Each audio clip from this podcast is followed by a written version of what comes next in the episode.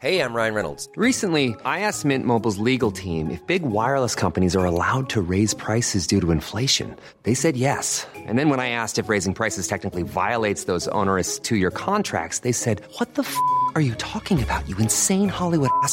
F- So to recap, we're cutting the price of Mint Unlimited from $30 a month to just $15 a month. Give it a try at mintmobile.com slash switch. $45 upfront for three months plus taxes and fees. Promo rate for new customers for limited time. Unlimited more than 40 gigabytes per month. Slows. Full terms at mintmobile.com. Millions of people have lost weight with personalized plans from Noom, like Evan, who can't stand salads and still lost 50 pounds. Salads, generally, for most people, are the easy button, right? For me, that wasn't an option. I never really was a salad guy. That's just not who I am. But Noom worked for me. Get your personalized plan today at Noom.com. Real Noom user compensated to provide their story. In four weeks, the typical Noom user can expect to lose one to two pounds per week. Individual results may vary.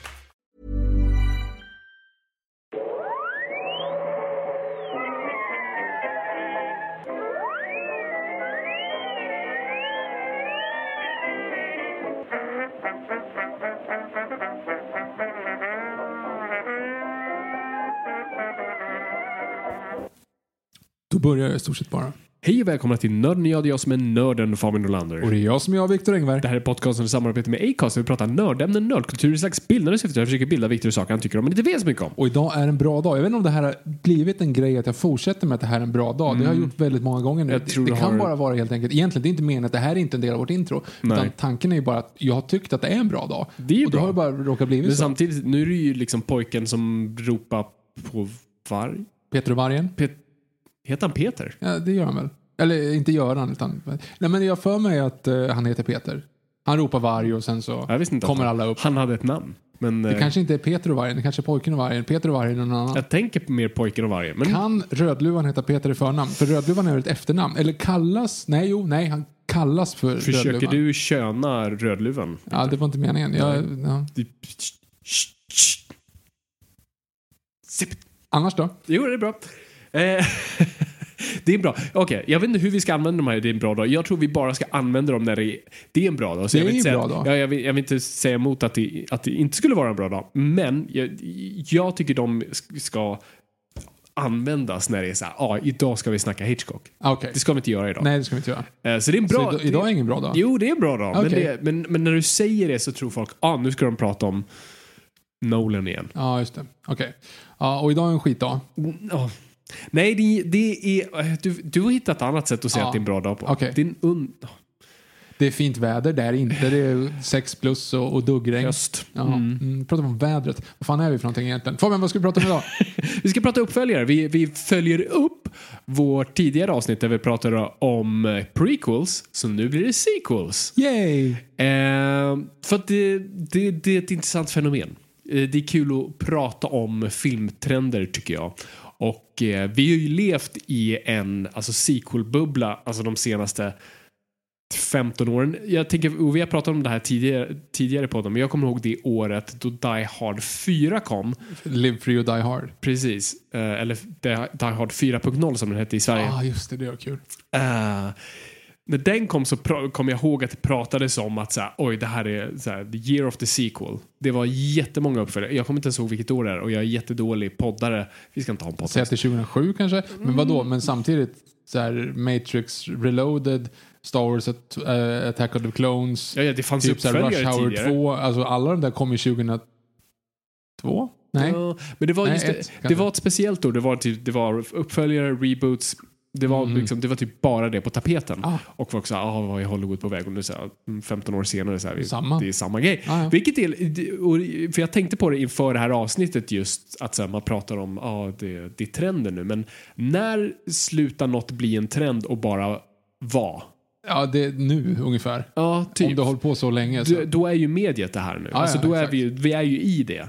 Alltså, och, och det gör mig lite skraj. Oj då. Eh, för att när ett media börjar på något sätt gå i en sån där loop eh, som den inte riktigt kommer ut ur, då, då är den nära döden. Lät bittert. Eh, men förstår du lite vad jag menar? Ja. Alltså det är lite som en rundgång. Men har Snart inte, exploderar ut, utan, att, utan att, sticka ut eh, hakan för mycket här, men det är väl så det går till. Alltså jag menar, svensk film framförallt är väl jätteduktiga på det. Det finns ju, det är väldigt, väldigt sällan det kommer en original svensk film så att säga. Som Ja, inte är baserad på bok eller inte baserad på en uppföljare eller inte liksom en, en rip-off på någonting annat. Det skulle jag säga är annorlunda för att det handlar mer om eller för sig, det kan du ju argumentera att Hollywood också gör, alltså den finansiella aspekten av Exakt. det. Och det är det ju absolut. Men jag skulle säga att i, på Hollywood-sidan är det också en kulturell grej. Jag tror folk alltså, faktiskt gillar också att bara hamna i den här varma livmodern av att här, känna igen sig själv. Medan i Sverige är det mer alltså, hardcore finansiellt för att här, folk går inte på bio här, folk ser inte film och vi är väldigt få här. Så att ska du göra en film som är lite above average budget så måste du göra någonting som folk känner igen. Och även under average budget. Aniara gick väl liksom, är väl baserad också på någonting ursprungligen. Det är ingen som ja, ja, ingen, det är jag har ingen koll. jo. Ja, ja, ja. Jag och svensk film. Du jobbar bara med det. Jag jobbar bara med det. Jag deltar inte i det. Det är väl som allt annat. Det är så här, folk som jobbar på McDonalds vill inte äta hamburgare hemma. Ja, kanske det. Antar jag. Jag har inte jobbat på McDonalds. Inte jag heller. Jobbar du på McDonalds, hör av dig på hashtag Noipod och eh, liva upp den gamla hashtaggen. Men hur börjar alltihop då? Jag vill först fråga dig Viktor. Ja. När blev du först medveten om uppföljare? För det finns en känsla som kommer med en uppföljare. Ooh, okej. Mm. Eh, Du vet, du vet den här familj... åh, du vet starten på Dark Knight och du säger ja, men jag, jag känner de här. Ah, okej, okej. ja. Oh, ja, just det. Gordon där, ah, fan vad nice, Scarecrow. Ah, jag oh, vi är i världen, mm, du vet lite så varmt och gott. Eller när Mm. du ser, du vet, Han Solo fixar på eh, Millennial Falcon i, när de är på Hoth och man bara, oh, just det, jag vet vad det här är. Mm, jag är med, jag är med. Jag, är med. Eh, jag vet inte, det är ett dåligt svar. Men jag antar att jag, om jag liksom verkligen försöker leta i minnesbanken här nu, så är det någon form av Disney-uppföljare. Jag antar det, om det inte är Star Wars, alltså om det inte är Empire Strikes Back, att det finns liksom, men då kanske det var mer så här, det finns tre filmer.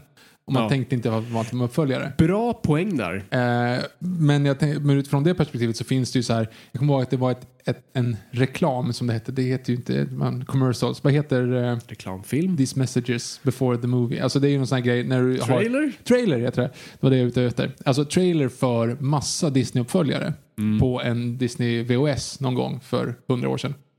Och då pratar de om så här, men inte tog historien slut om det bara, eller så här, inte försvann väl alla historier bara för att filmen tog slut. Och sen så visar de så här, så Disney-klassiker är en uppföljare till, och så berättar de så att de skulle göra uppföljare till typ så här fem olika filmer eh, i samma trailer. Och då var det ju så här Redan i år kommer uppföljaren till eh, Lilla Sjöjungfrun och nästa år så är det uppföljare till både Skönheten och Odjuret och till Huddedudedutt.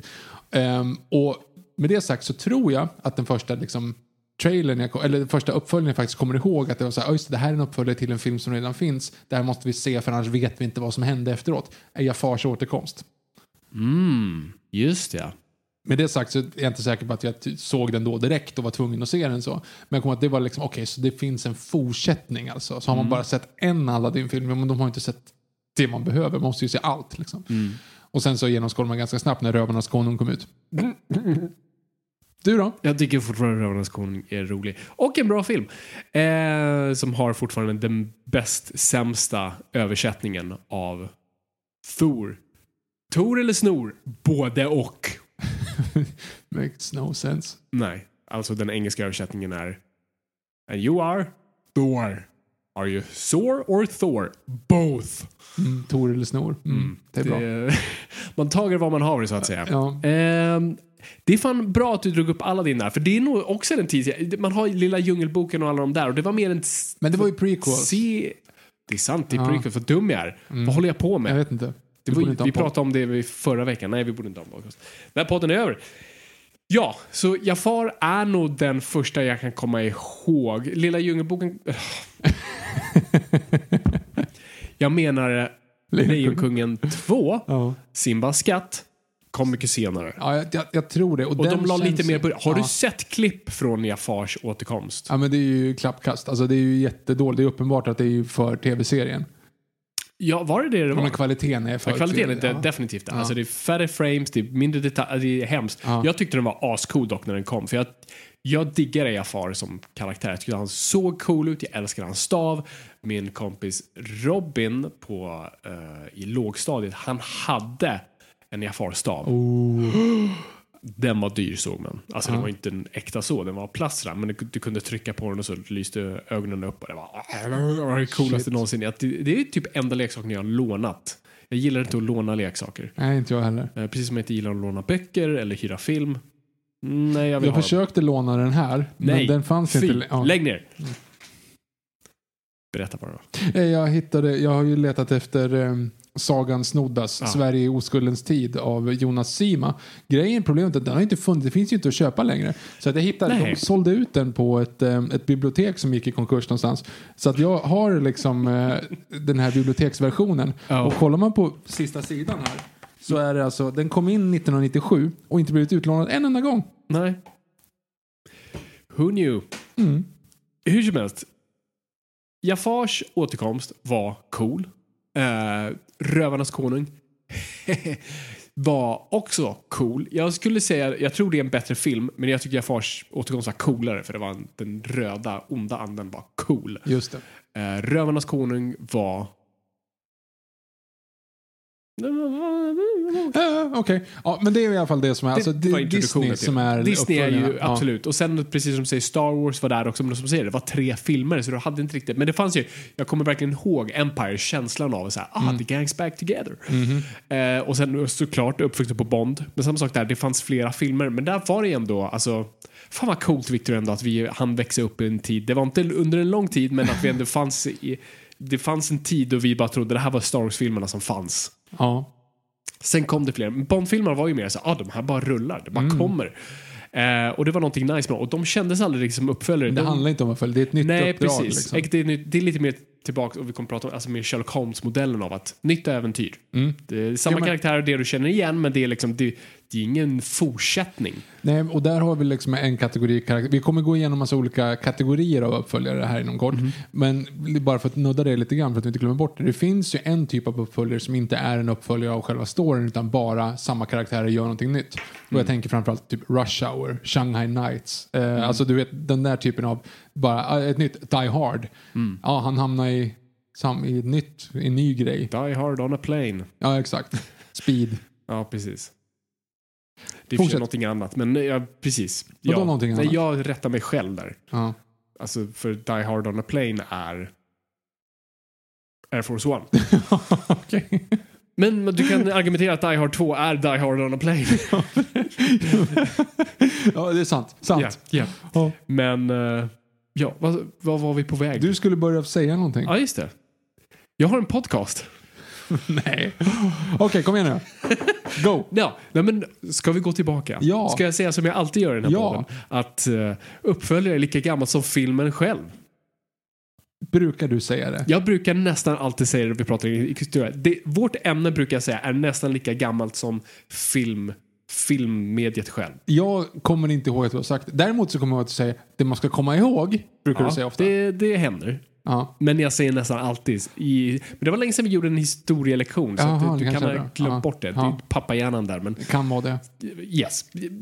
Men det är nästan lika gammalt som filmen själv. För att alltså, uppföljare är inget nytt fenomen. Det är inget som filmen skapar. Det fanns ju böcker. Alltså, mycket tidigare. Mm. Eh, alltså, man har ju stort, det finns en uppföljare på allt som kanske inte är Bibeln. Antar jag. Om du inte räknar första Moseboken, andra Mos... Är det två... Nej, vänta. Det är en... Hur många Moseböcker? Moses. Mo- Moses var en man som levde i början av Bibeln. Du får rätta mig Jonas, men... eh, men nej, nej jag, jag tänker på testamenterna. Det är, det är ju Först eh, nya och gamla. nya och gamla, inte första och andra testamentet. Gamla och nya testamentet.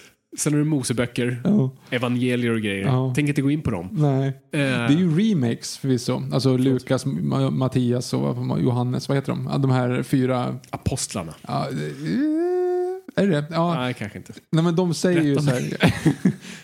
Nej men han, de berättar ju samma story fast olika perspektiv ju. Ja. Alltså Ja. Johannes och Markus och alla vad de Precis. heter. Eh, och det är ju remakes snarare än uppföljare. Ja, eller tolkningar. Ja, ja, men ja, reboots kanske till och med. Ja. Berätta samma story igen fast på ett annat sätt. Hej och välkomna till Bibeln och jag. Eh, Kommer att vår konfalärare hade ett favoritevangelium. Han tyckte att, liksom att ja, Johannes är alltid lite men jag fräckare. antar väl att han skulle ha det. Jo, det vore men jag weird om han inte hade favoritevangelium. Ja, jag okej. Om jag jobbar med någonting så borde man ju väl ändå tycka att det var liksom... Du sa alldeles nyss att du jobbar med svensk film men inte har någon koll på det. Nej, just det. Jag har koll på det, Jaha. men jag, jag, jag deltar inte i det. Ja, ett ren. Herregud. Okej, vi går tillbaka. Så böcker har det funnits uppföljare hela tiden och det mest kända fallet, där kan vi prata om just Sherlock Holmes. Alltså, Ja. Nya äventyr hela tiden. Så det är, liksom, det är inget nytt koncept och när filmen väl dyker upp så det är någonting som gör pengar. Så att då gör man fler. Alltså det, en av de mest tidiga fallen är George Méliès du vet, Resan till månen-filmen. Mm, mm, mm. Du vet, jag hade en t-shirt av den i flera år, kommer du ihåg den? Nej. Kommer Den var vit och sådär blå med det här månansiktet med en uh, raket i ögat. Ja, den kommer jag ihåg. Mm. Jag gick omkring med en t-shirt som stod Boogie Nights på.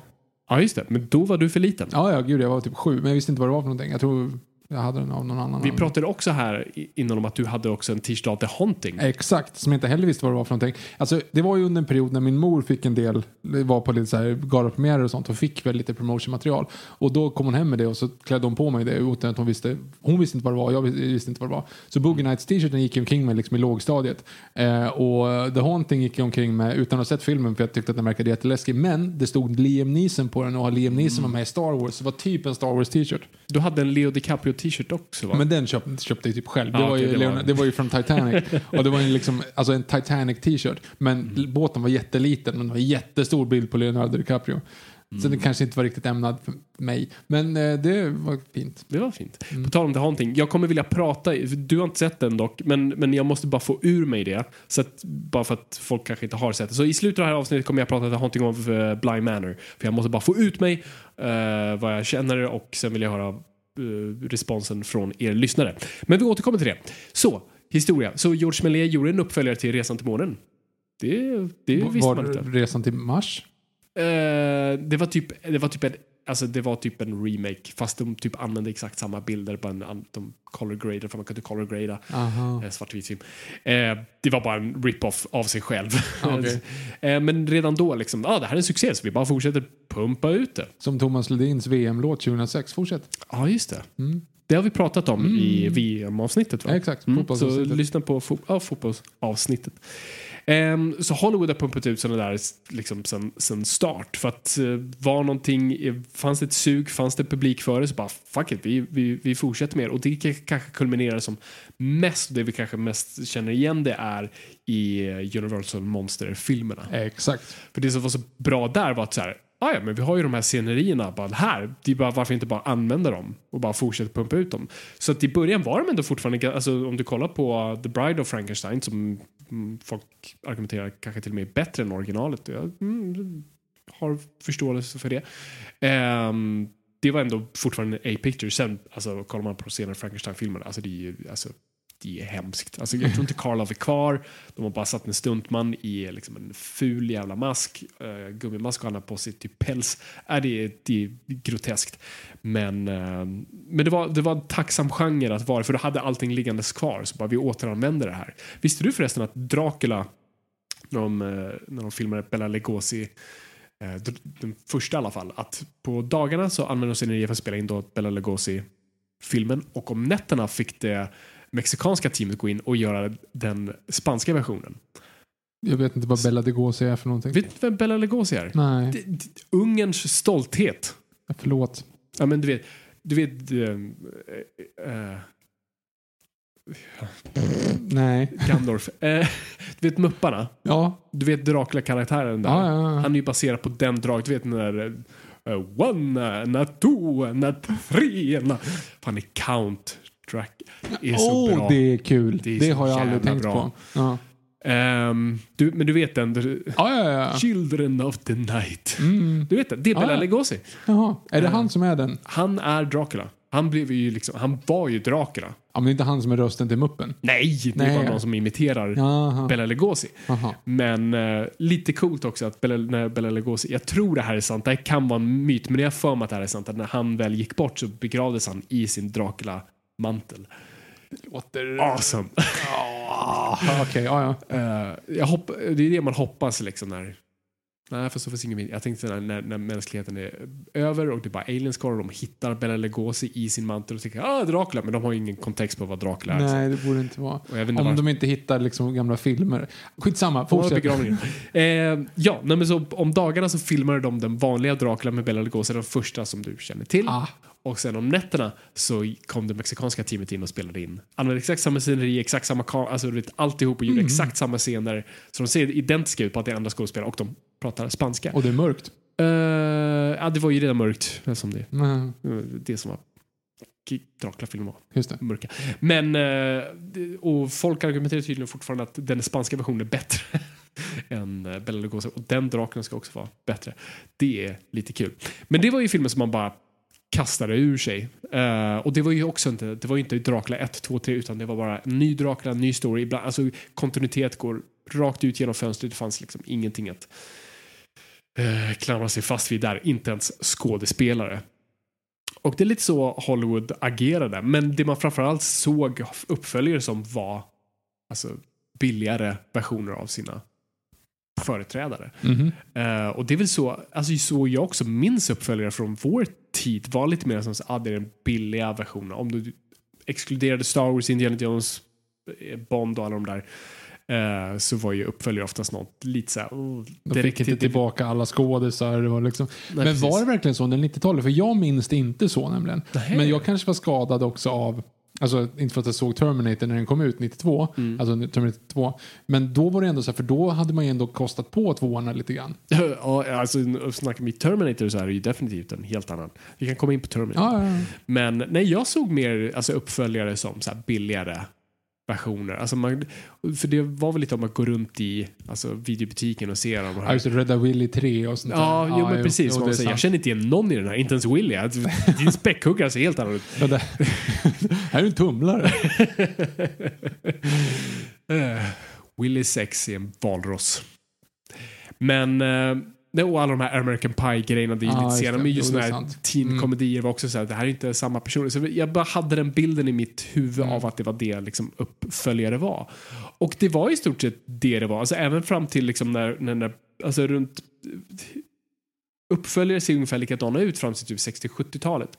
För Att vad vi kommer till 70-talet är egentligen två saker. Mhm. Är delvis Jaws, alltså blockbustern, och Star Wars i och med det. Star Wars påstår ju då Lucas har en mer plan att det är en trilogi och jag liksom bara egentligen jag drar ut det här manuset som var lite för långt för första och så ser vi vad som händer. Mhm. Eh, och sen är det Jaws som bara fuck det här är så jävla mycket pengar. Vi, det, det är ju korkat om vi inte liksom. Vi har en haj. Vi har en haj. Vi tar, använder Bruce och så gör vi om det här.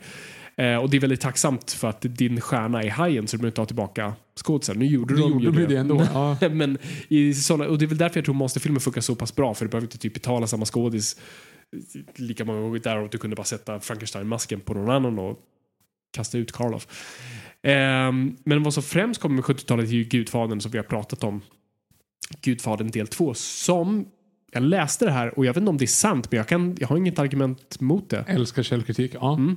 Eh, sagt, vi ska ha en podcast. Ehm, att Gudfadern del 2 är den första filmen som heter Part 2. Ingen aning. Jag vet inte ingen annan innan som gör det. Men Nej, så inte jag det, heller, det, är- men- det är mycket bra. Så det, det är den och French Connection 2 e- egentligen som gör det under typ inom loppet av bara några år. Eh, och det är också den här första riktigt så här, en uppföljare som matchar sin föregångare. Mm. Både i form av budget men också i kvalitet och som vissa argumenterar går utöver den förra. Du bygger det snarare vidare. Eh, du gör inte liksom gör inte bara vad, vad, vad gör Michael Corleone den här gången? Ja, det här uppdraget. Ja, precis. Nu ska jag slåss mot den här maffiabossen. Eh, utan det, det är snarare en- vad, vad är, alltså det är en rätt intressant grej som, är, som slog mig nu som är säkert väldigt självklart. Men just så här, när uppföljare bara handlar om konsekvenser. Mm. Mhm. För det är egentligen det Batman-trilogin handlar om. Mm. Alltså, eller Dark Knight-trilogin handlar om konsekvenser. Vad det Batman gör utlöser de andra grejerna. Det är det jag gillar med de filmerna och det är det som jag tycker sammanfattar Batman så pass bra att det är det som är förbannelsen med att vara Batman. Att om Batman inte hade existerat så hade inte skurken existerat men han måste finnas där för att slåss mot Det är en evig cykel. Och det är det, är det så bra Dark Knight-trilogin sammanfattar av att så här, han sätter igång den här dominoeffekten som om Batman inte hade dykt upp för att rädda Gotham Batman Begins hade Jokern troligtvis inte dykt upp. Jokern är en reaktion på Batman. Och samma sak ser vi i uh, Gudfadern del 2 är ju konsekvenserna av första Gudfadern. Mm. Allting börjar med att Michael skjuter polismästaren och den här andra maffiasnubben på restaurangen. Och allt annat är bara en dominoeffekt utifrån det. Hade han inte gjort det valet hade det, de andra filmerna existerat.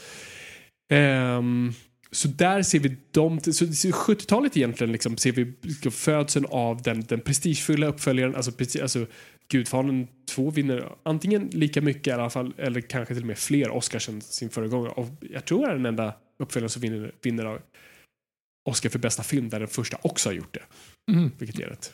Ja, vi- vi, kan podda utan Google så jag vet Nej inte. men det, Ja. det jag, ja, jag nästan 100 procent. Okej. Skitsamma. så, så det är där de två liksom utlöser varandra, de två trenderna kan man säga. Och eh, ja, och det är väl i stort sett där vi landar i, i det är väl någonstans där uppföljaren lever. Alltså där ser vi en symbios av alla de här tre. Den här billiga uppföljaren bara för att riffa på riffet. Du har det prestigefulla som bygger vidare och eh, ser konsekvenserna. Och sen har du Sherlock Holmes-versionen av det. Så Mm, ja, men ett nytt äventyr med. Exakt. Men sen ser vi ju en trend mycket alltså, in mot vår tid som jag tycker är väldigt fascinerande, den vi pratade om tidigare, men som är rebooten slash uppföljare. Ja, just det. Där vi vill göra en uppföljare, men vi vill också reboota det. För att, Vi, vi vill ju inte alienera de som inte har sett första filmen. nej, precis. Så vi vill, vi vill, liksom, vi vill ha kakan och äta den. Och i många fall så funkar det. Så där har du liksom Blade Runner eh, 2046, du har Force Awakens, du har Jurassic World, eh, du har... Pff, alltså, du har hur många vill- fler?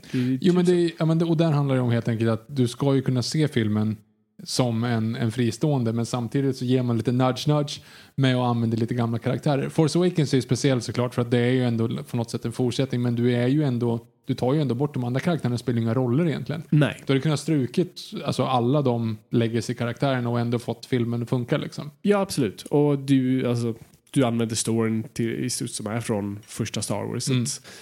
Du gör ju i stort sett om det helt. Räknas Indiana Jones 4 där också? För att det är, det är ju samma snubbe Det är men det är sant. liksom en så här Ja, men det är väl där det går fel tror jag. Ja, ja. För att vad, vad de andra ändå gör smart och det, det, är ju- det med Force Awakens är inte perfekt och inte Jurassic World heller, men det de ändå gör är på något vis att lägga fokuset någon annanstans och legacy-karaktärer kan få liksom dyka upp. Mm. Men Indiana Jones 4 är Indiana Jones. Och tänk att det inte var Shia LaBeouf vi följde, men, men Ja, det ja, kanske hade varit det smarta i, i en bättre, nu ska jag säga, Shia LaBeouf har blivit bättre med åren, men, men hade det varit en bättre karaktär så hade det kanske varit värt att följa. Mm. Undrar hur fan de kommer göra det i femman nu alltså. Mutt, kommer han vara med? Men Hur gammal är Shia nu? Närmare 40 snart. Alltså, du kan Jo, inte göra till en ung spoling liksom. Nej, men nu är han, han är ju äldre än vad Harrison Ford var i första. liksom. Ja, nej, det är sant. Nej, det är... Jag vet inte. Spielberg har ju hoppat skepp så att... Har det? Ja. Men det kommer bli av eller? Ja, nu är det ju eh, blablabla, James Goldman. Heter han. Det känns fel när jag säger James Goldman. Mangold? James Mangold. Ja, Vad sa jag? Goldman. Goldman. Jag tror jag tänkte på Goldwyn i, i gammal Hollywood-huvud. Eller Goldfinger. Goldfinger, precis. Också Eller. Goldblum. Just det. Massa gold här. Om du nu skulle gå utifrån perspektivet bästa uppföljaren från 60-talet då. Mm. Då är så här, det man, för jag kollade på lite listor bara här innan för att Ja. så folk håller på att prata om det och då säger alla att det är Goldfinger. Som en uppföljare. Mm. Men det är ju inte den upp, det är ju egentligen från Russia with Love som är uppföljaren.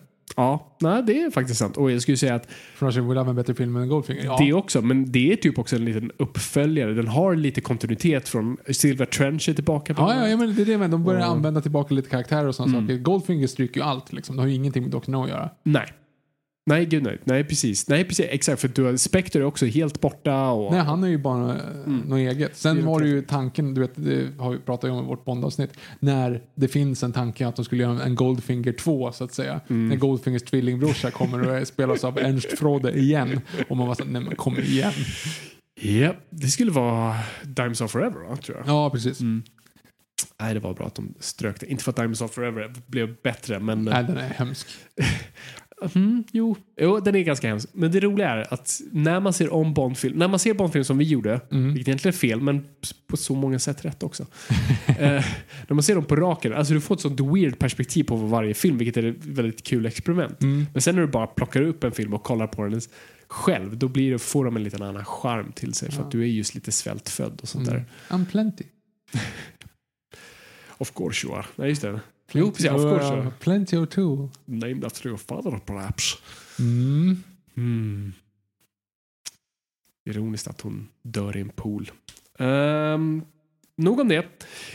Eh, nej men du hade ju... Tron var typ en av de tidigare som gjorde det där. Just det. Jag minns. Tron Ja, just det. Legacy. Just det, för då var det ju, då hade ju Jeff Bridges tillbaka där med lite, Oh, lite så här halvanimerad. big mistake. Ja. Alltså första egentligen försöket till de-aging Mm. och hela liksom... Och det funkar ju för att det är ett dataspel. På något Nej, sätt. det gör det inte. Ah, Okej, det gör det inte. Alltså, Jag förstår vad du menar. Det skulle kunna ha gjort det. Mm. Om de typ hade verkligen så här. De skulle ha gjort en glitchig eller någonting. Alltså att något var fel med honom rent Ja. digitalt. Men gör de, sätter de i kontext av andra verkliga figurer så blir det bara mm, nej det funkar Det blev jätteweird. Polarexpressen all over again. Ja. Det var den, typ den bästa deepfakes höll jag på att säga. Men det är ju typ nästan. Alltså de-aging är vad. Har du sett Terminator Dark Fate än? Mm. Har vi pratat om Dark Fate? Jag tror inte det. Ska vi, ska vi ta en liten avstickare på Utan, men det är ju en uppföljare om Ja. något. Det är en fjärde uppföljare. jag, och jag tänkte säga det, jag hade mina anteckningar här på så här, uppföljare som är reboot, så ska jag alla Terminators. ja, alla förutom Terminator 2. Två är Ja. i stort sett försöka bara reboota franchisen med en uppföljare. Mm. För Eh, Terminator 3, eh, det för visserligen storyn tillbaka, men det är exakt samma som Terminator 2. Förutom Mm. att det blir Judgment Day. Ja, spoilers för övrigt. Men, Och sen Terminator Salvation, då är det liksom, då är vi John Connor, vi är i efter, och vi efter tänkt att det är, nu det den nya franchisen, Mm. vi kommer följa Christian Bale. Och sen så har du ju med Emilia Clarke och, och han, Captain Boomerang. Mhm. Och de tänkte så här, nu börjar vi om och gör det här lite fräckt igen. Och Precis. det blev inte bra alls. Och nu så då Salvation är ju någonting helt annat. Någon extra tidslinje och allt möjligt. Yes. Men riktigt snygg deepfake. Alltså den var ju helt om brutal i början. deepfake. Ja, fast det är inte okej att göra sådär. Nej, Jag tycker, inte, jag, menar jag tycker inte att det är okej att börja en film på det sättet. Alltså, det är, Nej, jag håller med. Det är att Vad det- pissa på hela liksom, ja, absolut vad det, vad det gör. Ja. Nu pratar jag bara om effekten. Ja, nej men alltså, för er som inte har sett, den inleder... Alltså Det är den filmen- spoilers här. Ja, spoilers, men den, det, det första scenen i filmen Mm. är att, att ehm, John Connor, alltså Edward Furlong från liksom, han ser ut som han var född i, liksom igår. Ja, alltså, ja, inte eller. In, men inspelat igår, Ja, alltså man säger så. från Terminator 2. bebis. Nej men det ser ut som att det är inspelat från Terminator 2. Alltså Ja. så här, typ samma Som att de sommar. liksom, men vi filmar den här grejen och så bara har det legat Det ser, skjul det ser sjukt citationstecken bra ut. Mm. För helt plötsligt, han blir ihjälskjuten. Så vi inled, vi inleder med att liksom mörda ett barn och det ser jätteverkligt ut Mm. det är han. Eh, och det är lite så här samma sak som Alien 3. Det vill säga, du verkligen just så här, du använder bara så här, jag ska göra den här filmen, jag skiter i allting annat. Eh, Ja. Ja, Last Jedi är också ett exempel på den grejen. Mm. Men alltså så här, du har noll respekt mot källmaterialet. Du har liksom så här, ja, jag vet att ni tyckte om det där, men jag skiter i det för jag gör min grej. Mm. Och sen så dödar de av den karaktären som var huvudpersonen och det är liksom bort med den och så glömmer vi allting och så gör vi någonting helt annat. Så vi liksom fuckar upp allting. Exakt som de gjorde i Alien 3. När de liksom, hela den här grejen med Newt och han den andra. Mm, precis. Här, hela filmen går ut på att hon ska bli en mamma. Liksom. Mm. Alltså, hela, hela Aliens 2 handlar om det arket. Det är bara boink, ja, vi fick inte den skådisen, vi skiter i det helt och så gör vi Alien 3 på någonting helt annat. Mhm. Och det är liksom så noll respekt mot det som hände tidigare. Och där har du ju praktexemplet i Ja. den nya Terminator. Och ironiskt nog ju, har ju James Cameron på något vis, ja, han producerar den så han är ju godkänt av någon anledning. Ja, eller producerade. De betalade honom. Vad var det de sa? De betalade honom för att han skulle ringa och skälla på dem i telefon några gånger. Ja, det är lite konstigt snack kring det. Det ska bli intressant om några år att höra mer. För regissören har ju pratat mer och mer skit om, om filmen och sagt Mhm. att det här inte riktigt blev som du blev. Uh, ah, gud. Det värsta med Snyder Cut är att det kommer föda många liksom, regissörer som kommer på något sätt flörta med sin publik om hur bra min film egentligen var om Ja. inte hade gått förstörelse. David vi- håller ju fortfarande på. Om det inte visar sig att Snyder Cut är piss. Återstår att se. Mm. Hej framtiden. Ehm, nej men Terminator Dark, jag kommer ihåg när jag såg en, jag för mig att vi har pratat om det här, så nu blev det lite så här, har vi pratat om det här? Skitsamma. jag tyckte ändå den var okej när jag såg den. Så jag tyckte hantverket var bra. Jag tyckte Miller som regissör var ändå så här, men han vet vad han gör. Så här, fan vad skönt att se en actionsekvens som rör storyn framåt. Så på ytan så tänkte jag så här, ja men det här var ett bra ihopslabb och det är en vad Terminator-filmerna ska man inte glömma vad de är, monsterfilmer. Så det var lite tillbaka till alltså, Universal-filmer. Så jag, när jag la det i det facket lite så bara, ah, ja men det här är en till monsterromp. Nu har vi en ny Frankenstein som går runt och bara hackar och slicear. Um, gör inte Frankensteins monster så ofta, men get my point. I get your point. Ehm, så då var jag ändå så här, det är fine. Sen när man går på djupet och bara så här, ah, så du hade tredje akten i den där konstiga vattengrejen. Och så, mm, och allt faller ihop. Mm. Då, så fort du bara, så fort du bara liksom går lite djupare än ytskiktet så. Den enda, av- alltså så här, med facit på hand, så Mm. Terminator 3 för åtminstone storyn framåt. Mm, ja, mm, ja, mm, ja, ja, jo, nej, jo. Judgment Day was inevitable. jo, det är sant. Jo, det är sant. Eh, och jag tror, det är en good point. Så vad, vad jag tror, hmm. De dödar visserligen av Sarah Connor också off Jo, men det var ändå, det var bättre än att skjuta John Connor om man säger så. Alltså det made sense någonstans. Ja, ja. Eh, jag försöker sätta ihop en tanke i realtid här. För att vad jag tror just Dark Fate mm, funkar, jag gör med inom parentes Citationstecken. citationstecken, ehm, funkade för att så här, ja, men, sekvensen var bra ihopsatt. Eh, Hantverket var ändå bra. Mm. Eh, och jag skulle, men, men storyn var bra. Medan de andra filmerna är både hantverket och storyn bra. Ja, Eh, så att vad Dark Fate ändå hade lite var så här, ja men en bättre regissör och det såg ändå bra ut. Eh, sen kan du göra argumentera just det, att röra storyn framåt, där har du trean också, men där är hantverket piss. jo.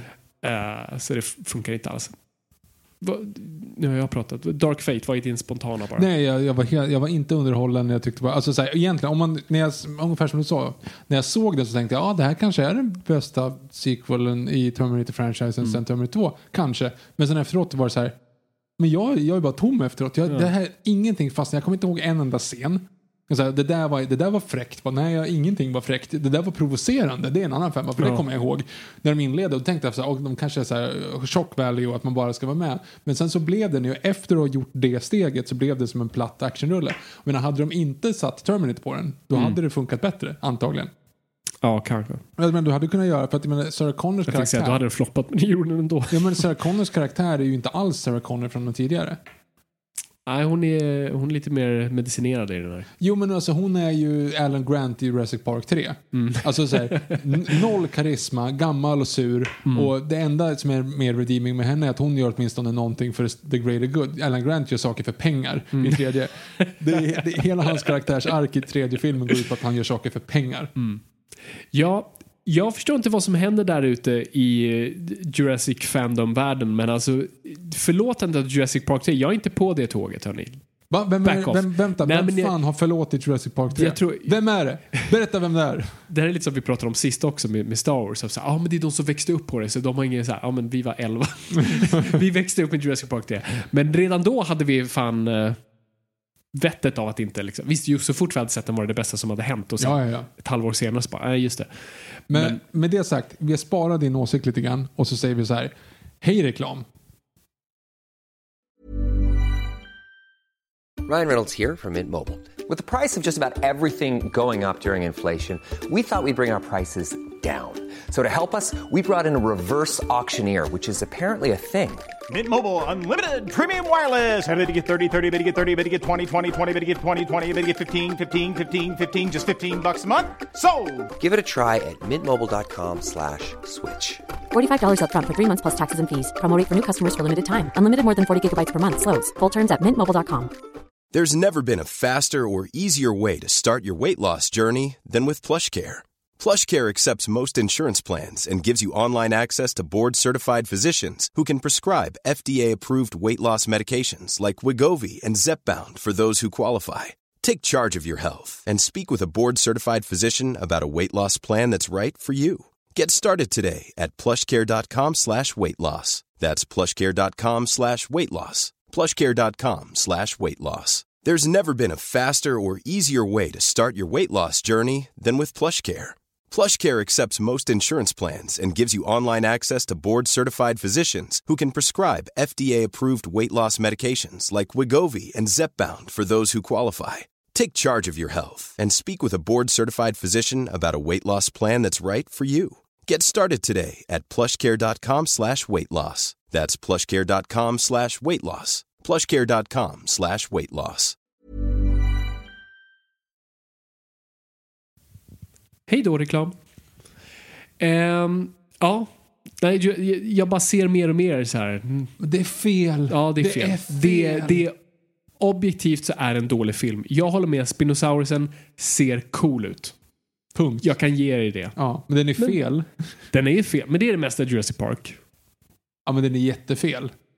Men vi, förlo- vi har ju pratat om det, vi förlåter Jurassic Park för det handlar mer om alltså, vilken DNA har de kastat in där som exakt. fick den att bli ja, så. Men det är så konstigt att de inte ger oss den i så fall. Alltså Star Wars-franchisen gjorde en hel film för att förklara varför de inte hade täckt för The Thermal Extortion Point med en plywoodskiva. men här har de inte ens sagt att Spino ja, de, Spinosaurusen är ett, mon- ett annat monster. Alltså, Nej, jag hade inte behövt det. Och jag, jag gillar inte den trenden i, i uppföljare och reboots. Liksom som Skönheten och odjuret. Vi måste Rebooten. förklara. Hela filmen var bara ett förlåt för Reddits tråd angående så här, men hur, hur gammal är han egentligen?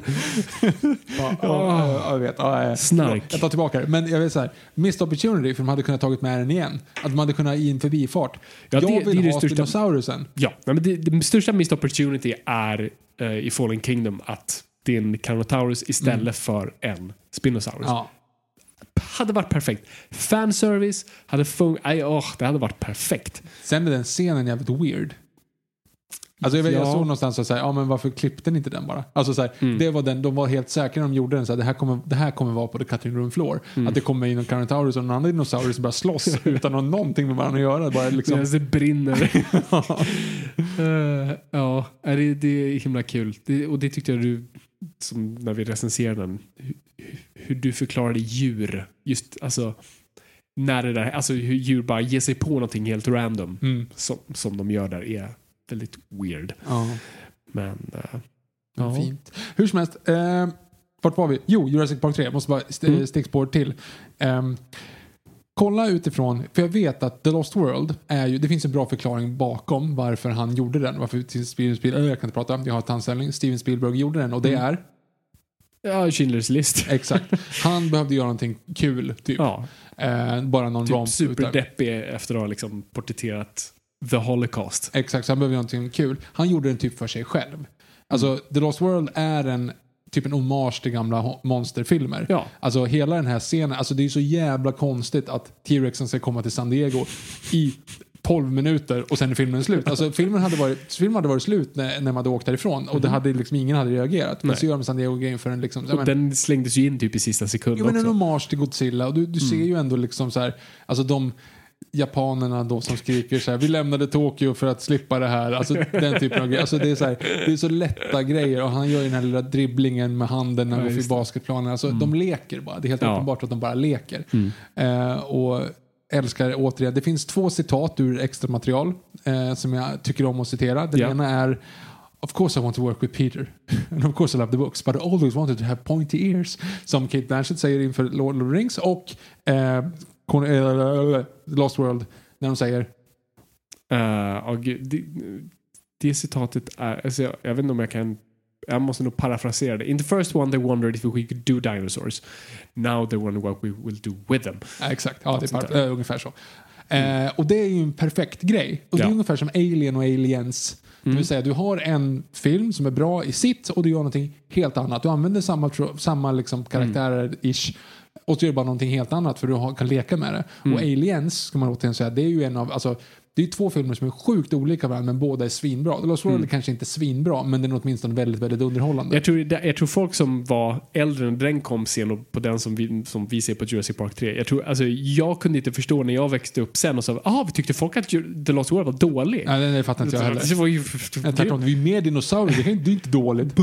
Eh, Exakt, men det, det jag tycker är coolt med The Lost World, vi ska, vi ska, ska inte alltid prata om Jurassic Park, men Jo.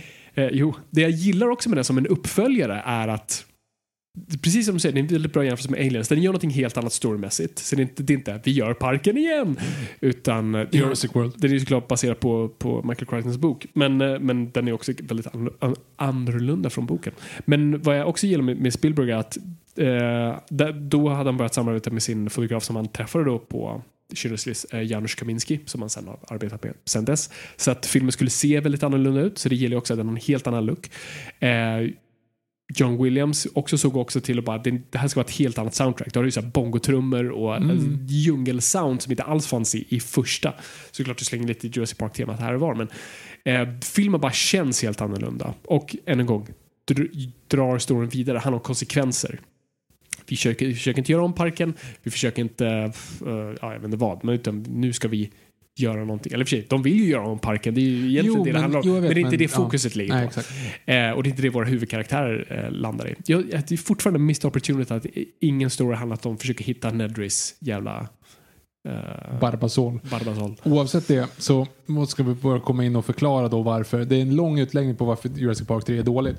Men den ger ju ingenting.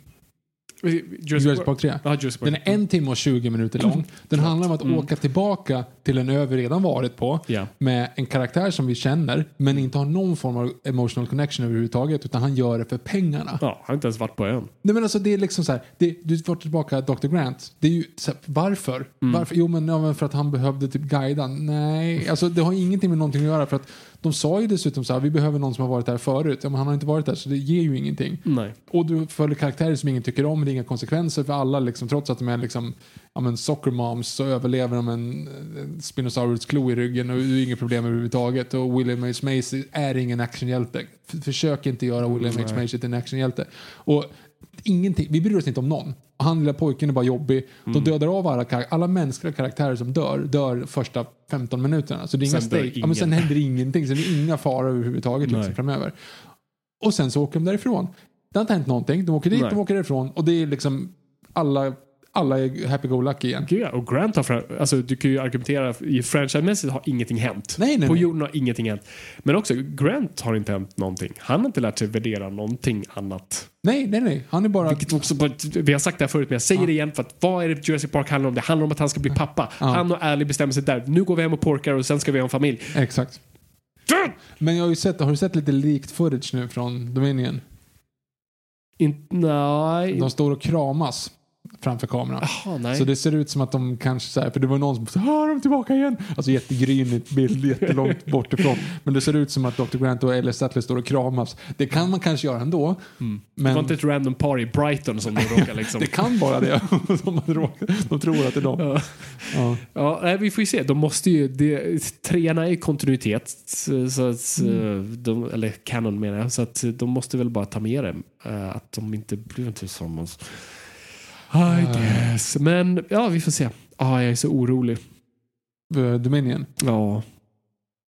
Ja, jag är egentligen typ inte riktigt det. För jag gillade ju, ju mer jag tänker på det, desto mer gillar jag ju Fallen Kingdom. Fallen Kingdom. Det är det som är... Jag, jag, Prosit. Öh, tack. Jag gillar också Fallen Kingdom. Mm. Och vi var väldigt positiva i vår Ah, ja. Ju mer, men ju mer jag tänker på den, ju mer så weird tycker jag den är. Så att jag måste bara se om den. Men Aha. jag tycker så här, att fan det är lite weird att de är i det där slottet på slutet. det Nej, är lite, nej, det är så man ska göra.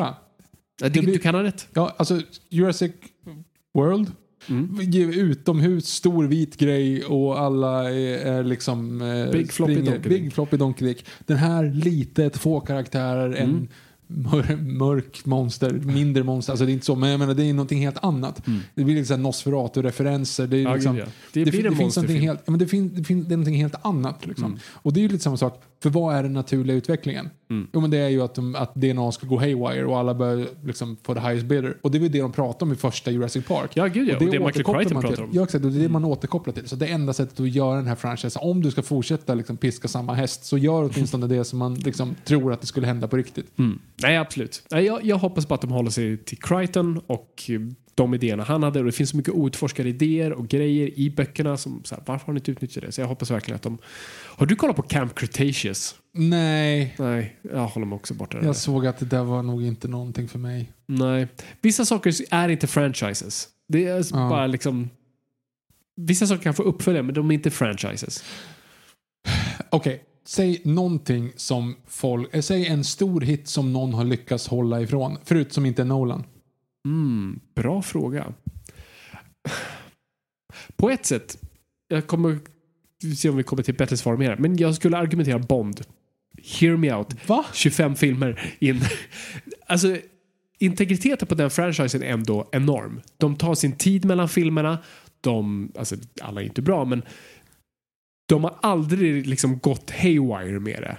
Förutom de var nära på med Jinx. Eh, Vi hade James Bond Jr ett tag. Men det har aldrig blivit den här, så här nu gör vi det här. Nu ska vi... Sigmund Freud analyze this. Så det, det måste jag ändå säga att den franchisen har hållit en integritet som få franchises har och en enhetlig röst. En, eh, liksom Broccoli-familjen som håller stenhårt i det.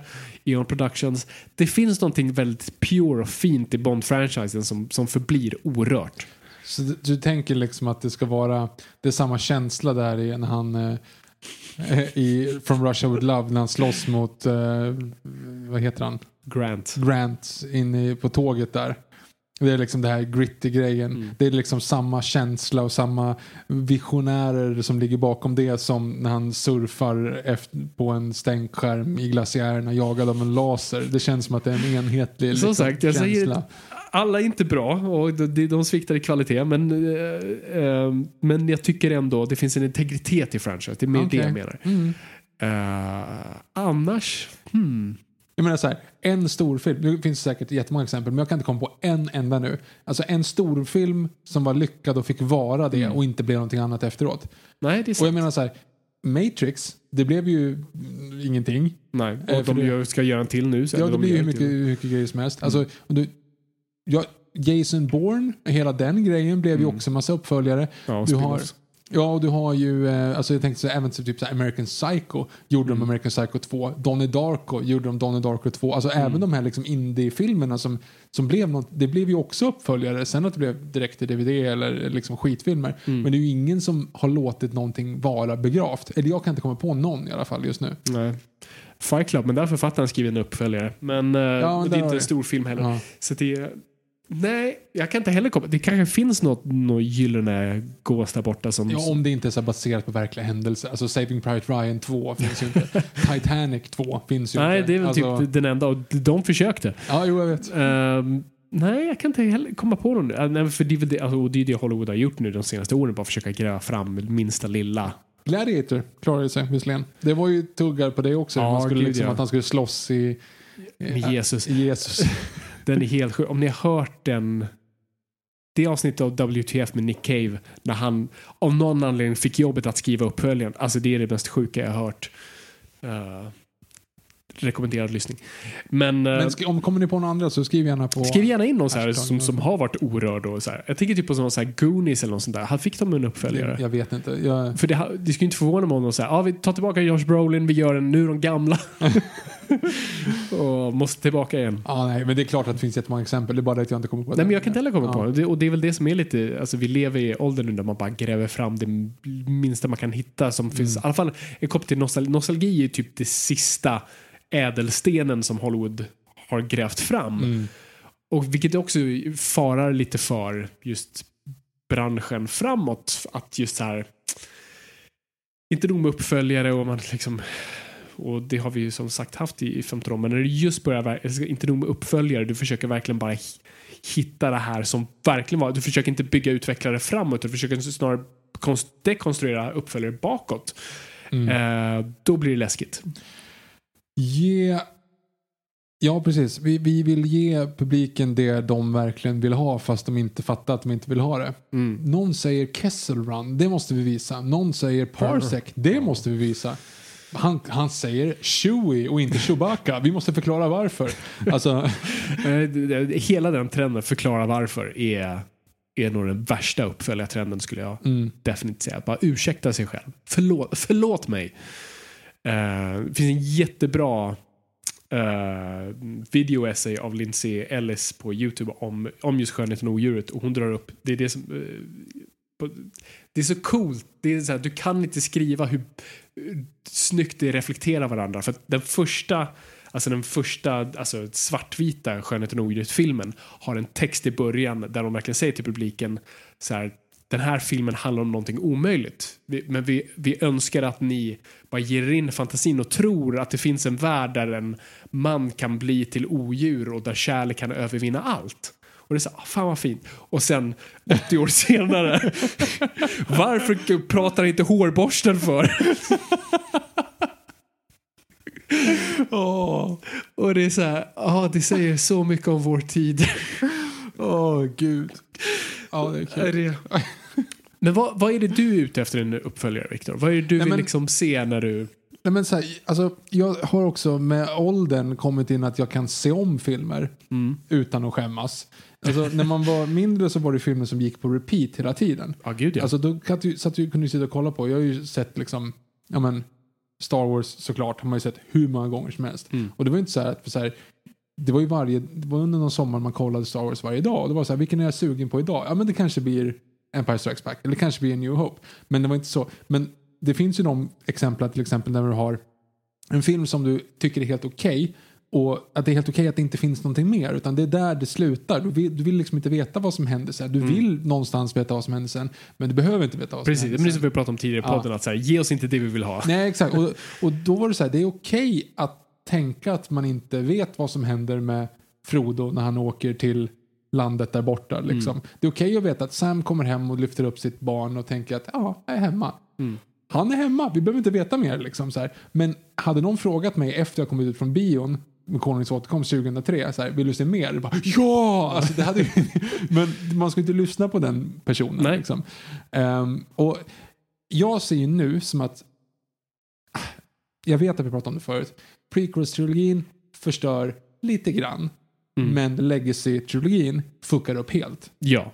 Nej, men absolut. För att- på något vis lägga någonting innan kan du ignorera. Ja. Så, men jag känner inte till det. alalala. Men det som händer efter är på något sätt att det är rätt intressant. Hur du avslutar någonting definierar mer vad som har varit än det som var innan. Om du förstår vad jag menar. Eh, det är fan jävligt sant. Så nu när jag liksom tänker tillbaka på att vi satt på bio här nu, tre jular, och tittat på fortsättningen på Star Wars, så tänker jag så här, det här hade liksom 11-åriga Viktor dödat för. Ja. Men nu så är jag liksom lite så här, varför fick vi det här?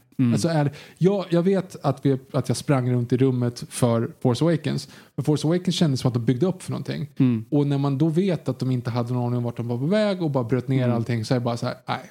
Det, Nej men det är verkligen så. Jag tror, oh, herregud vi har pratat sönder Force Awakens men jag tror precis som du säger där, den lovade någonting så vi förlät mycket mer. Exakt. Så att den är inte perfekt men den, alltså, fan, den är stadig, den introducerar några intressanta grejer. Det här blir intressant att se vad, vad det far iväg. Och sen huh, hände det som hände. Eh, det, nej, jag, jag satt och tänkte på det senast igår. Nu har inte jag sett Mandalorian. Men jag, jag bara såg eh, ett uh, Industrial Light Magic la upp ett klipp på hur de gjorde. De bestämde sig för, bara för att de kunde, att säga, nej men vi vill filma då huvudkaraktärens skepp. Eh, vi vi vill göra en modell som vi filmar bakom en green screen och gör de här, du vet, att kameran rör sig istället för skeppet. Vi, vill, vi ska bara göra det. Och eh, du hade ju, åh vad heter John Knowles dyker upp i mitt huvud, om det är den man, han, han har varit på Industrial Light and Magic i flera år. Han var den som kom på idén till Rogue One. Och han är den också som eh, skapade Photoshop, han är ett jävla geni. Och han var med och, men han var också med i den tidiga delen av Industrial Light and Magic och hjälpte bygga modeller. Så de tog in honom så här, bygg den här liksom, riggen som ska få, du måste bygga det från noll, det finns inga såna här grejer längre. Och det var bara något så fint att se att de, så här, de behöver inte göra det. det. Det skulle bara vara ett klipp när vi ser skeppet flyga förbi kameran. Det, Det var det. Animerat. Animerat, det hade Ja. tagit, alltså, de la så mycket pengar och månader på att bygga nya riggar, så här, kamerasystem, den här jävla modellen. Bara för att John Favreau tydligen sa så här, ja, men, alltså, när jag växte upp i filmbranschen så sa de så här, men gör en film med modeller för att du får ta hem dem sen. nu får man inte det längre, så att bygg mig en modell. Just det. och så gjorde de det och då fick man säga, ah, fan om John Favreau hade fått, undrar undrar hur världen hade sett ut om för att uppföljare, uppföljar, vad ska jag säga, uppföljartrilogin av Star Wars var ju aldrig satt i sten om du förstår menar. Det Nej. fanns ingen väg som vi... Nej, och så här, det är så "Ah, jävla hemskt det att man så här, gjorde så." Du, vi visste att det skulle vara, ah, nu blev det inte exakt som vi hade trott men den, den gick ändå den linjen. Det fanns ingen linje så vi visste inte exakt vart det var på väg utan den linjen som sattes är nu den linjen. Så vad hade hänt om den linjen bara hade inte skett och vad hade hänt om John Favreau hade varit ehm, Det är det som är Eller problemet. någon annan hade en linje i alla fall. Menar- det är uppenbart att det inte är det. Så här, okej. Första filmen bygger upp Snoke. Det är det det handlar om. Det är, det är en massa mystik och det är Mm. vem är föräldrarna, vi har Snoke, vem är det och hur kommer vi att lösa det här och vart är Luke Mm. Skywalker. Han måste komma tillbaka. Mm. Tvåan river allting. Dödar Snoke, dödar Skywalker, tar bort hela tanken med Skywalker. Mm. Och, du har, och tar bort att hennes föräldrar, det finns ingenting. Kraften finns i alla. Broom Kid. Det är, hel, det är det hela grejen går ut på. broomkid. Ja, men det är det hela grejen går ut på. Kraften finns hos alla. Det, det finns Åh herregud. Är det? Det är någonting slog mig nu. Vadå? Det kan inte varit en hint. Så, så, nu bygger jag upp till. Jag tycker det är bara kul att Star Wars, för jag tänker Broom Kid. Star Wars Star, Kid. Star Wars Kid. Det Ja. var också en med en Ja. Oh my god. Ja, Everything's connected. Sorry. men men- hur som helst. Alltså så här, det den sa, det var ju så här, ja, men kraften finns i alla, alla behöver inte vara släkt, alla behöver inte göra någonting. Liksom. Mm. Och sen så kommer J. Abrams tillbaka och sa så här, oh du, du förstörde vad jag hade tänkt, Mm. så istället för att låta följa vad du har tänkt, då kommer jag göra vad jag tänkte från början. Mm. Ish, det var inte så. Och så bara raderar ut allting. Alltså, fatta om, det är så uppenbart, hade, hade man haft tanken med Palpatine, då hade ju det varit Broomstick Kid-bilden. Mm. Du hade hört skrattet i slutet på, tre, eller slutet på åttan, Ja. inte på Fortnite. För det är så upp, alltså du vet ju hela, hur den grejen var. Med Fortnite. Ja, Ja, eller vänta, det var, det. ju, det var ju ett event ja. Ish. Alltså jag kan, jag kan inte spela Fortnite här så att vi, vi, du, jag, jag, jag, eh, Jag är för upptagen på TikTok. Jag sjunger dubstep och eh, dansar, dansar Fortnite och Hänger på skri, skriver TikTok. Ja, nej, exakt. Nej, men så här. Det var i alla fall, de hintar om att det kommer vara en grej. Liksom. Och sen på Fortnite och så hördes Emperor Palpatines Just det. skratt. Vilket var så här, ja han är tillbaka. Och det lanserade man via Fortnite. Mm. Hade man vetat att det var dit man skulle gå, alltså Mm. då hade Gareth Edwards satt in det i åttan. Annars, det finns inte ett argument på att det inte var, tank, att det var tanken så, om man hade gått, släppt igenom den filmen. Mm. För den hintar inte någonting om det. Den dödar av att Rays föräldrar är inga, ingenting är så, ingen, kill it the past die, kill it if you have Mm. to, låt det vara bara. Och sen så tar man tillbaka det igen uppenbarligen. Och det är så här, nej, men du kan inte säga att det var en tanke från början. Nej, gud Det är nej. helt det har de ju omöjligt. i stort sett erkänt. Framförallt Daisy Ridley har ju bekräftat det. Mm. Jag tror vi pratade om det sist. Alltså just det här med att hon, de ringde henne hela tiden och sa ah, vi tror att det är Palpatine, vi är inte riktigt säker. Ja, And, ah, vi, vi lutar nog mer mot Obi-Wan och sen Aha, nej, det har jag inte hört, men det är ju hemskt. Uh, nej, för hon, man, hon har ju, alltså alla har ju typ gett upp på det. Alltså, Ja. Du hade ju nu eh, John Boyega helt Ja. också bara vända ryggen på franchisen och Ja. kasta skit på den. Det känns som alla nu bara... Jo, men också introducera Rose och ha henne säga en replik i filmen efter. Mm. Du, hela filmen, emotionella, byggd, alltså hela åttan bygger på egentligen det emotionella spelet mellan Luke och Ray och eh, Finn och Rose. Det är det det Ja. går ut på. Och hela kärleksaspekt-temat där. Ja, Och men- där de till och med liksom, hon offrar sig för honom och det är värsta grejen och hon är inte ens med i nästa. Nej, det är... Det ja. Alltså jag blir så provocerad av det här. Jag alltså, vet. Fan alltså. Ja, jag vet inte. Och nu ska de ha in eh, nakna bröst i, i Lord of the Rings också. Ingenting är heligt. Kommer det verkligen bli så? Lord of the Rings. Det är när man säger Lord of the Ring has no tits. Lord of the Ring needs no tits. Är det någon meme där? Ja. Är det lite, jag läste om det där också, att det är naket. Så nej, nej, nej, Sagan om ringen är inte Game of Thrones. Det, är, Mm. det är pure. Vi, vi Mm. behöver inte ha naket. Mm. Också, det är så jättemycket Sagan om ringen memes där ute. Jag har ju jag har ju bombarderat dig med några. Mm. Men det, det är ju fantastiskt när de klipper in bara liksom så här rubriken. Mm. No, då, och så är det ju bara till exempel den Gondor Mm. is no king. No, Gondor has no king. Så här. Och så one does not simply insert. ja, du vet, vidare, så vidare, så vidare. Men den, den bästa på något sätt måste jag ändå säga när liksom det så här, fans rasar mot eh, nude scenes så hade de Mm. bara en överskrift på en, eh, på en artikel som man läste in och efteråt Mm. var det ju liksom Sam. There's, there's something good in this world Mr. Brono. It's worth fighting for. worth fighting for. Och så här, ja, ja, det är sant. Det är, fan, det, det är fan lite cred till nördarna som man bara tror är sm- småkåta, Ja, äckliga eh, källarbarn. och det får du säga för Finns att du lite- kallar dig själv. eller? Exakt. Det finns faktiskt lite integritet där. Ja. Det finns plats för naket och sen finns det inte plats för naket och Sagan om ringen är inte plats för Mm. naket. Eh, det, blir, det blir intressant det där. Hoppas bara att det var något, ja, jag vet inte. Jag vet inte. Jag bara hoppas att det inte är vad vi tror att det är. Ja. Men, men för att kasta frågan till mig själv och det var lite intressant när jag, när jag kastade dig den frågan om så här, vad, vad vill du se en uppföljare så, så satt jag själv och tänkte på det. Ja just det, jag skrev en uppföljare. Fuck. Hypocrite. Oops. Ja, men det var intressant. Så jag var tvungen att bara tänka om så här. Ja, just det. Jag skrev en uppföljare. Hur, fan, hur tänkte jag då? Jag var, så jag var tvungen att bara spola tillbaka huvudet hur jag tänkte skriva då Bamse 3. Bamse-filmerna har ju varit lite mer som Bond, Sherlock Holmes modellen av ett nytt äventyr.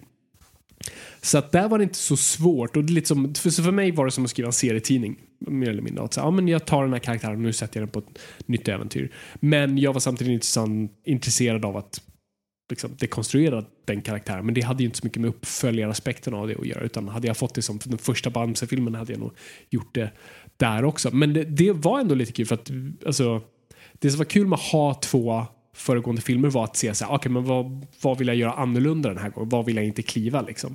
Så den första idén jag kom med till liksom, pitchrummet var så här, men jag vill ha en inledningsscen den här gången. Jag vill inte öppna på fina dalen där de bor utan jag vill ha en cool inledningsscen som, som fångar publiken. Och då hade vi det med. Den är cool. Den är lite cool. Ja. Jag, jag måste säga det själv. Och det är inte min förtjänst. Det är, det är vår otroligt eh, fantastiska regissör som satt ihop just så här att öppna upp i djungeln där med det coola ljudet av uh, djungeln och allt sånt. Äh, det, var, det, det blev en riktigt bra inledningsscen. Så sådana där grejer var jag väldigt mån om att sätta under vinter istället för sommar för som de andra hade varit för jag ville att den skulle se annorlunda ut. Sådana där grejer. Empire Strikes Back Hoth. Ja, jo, precis.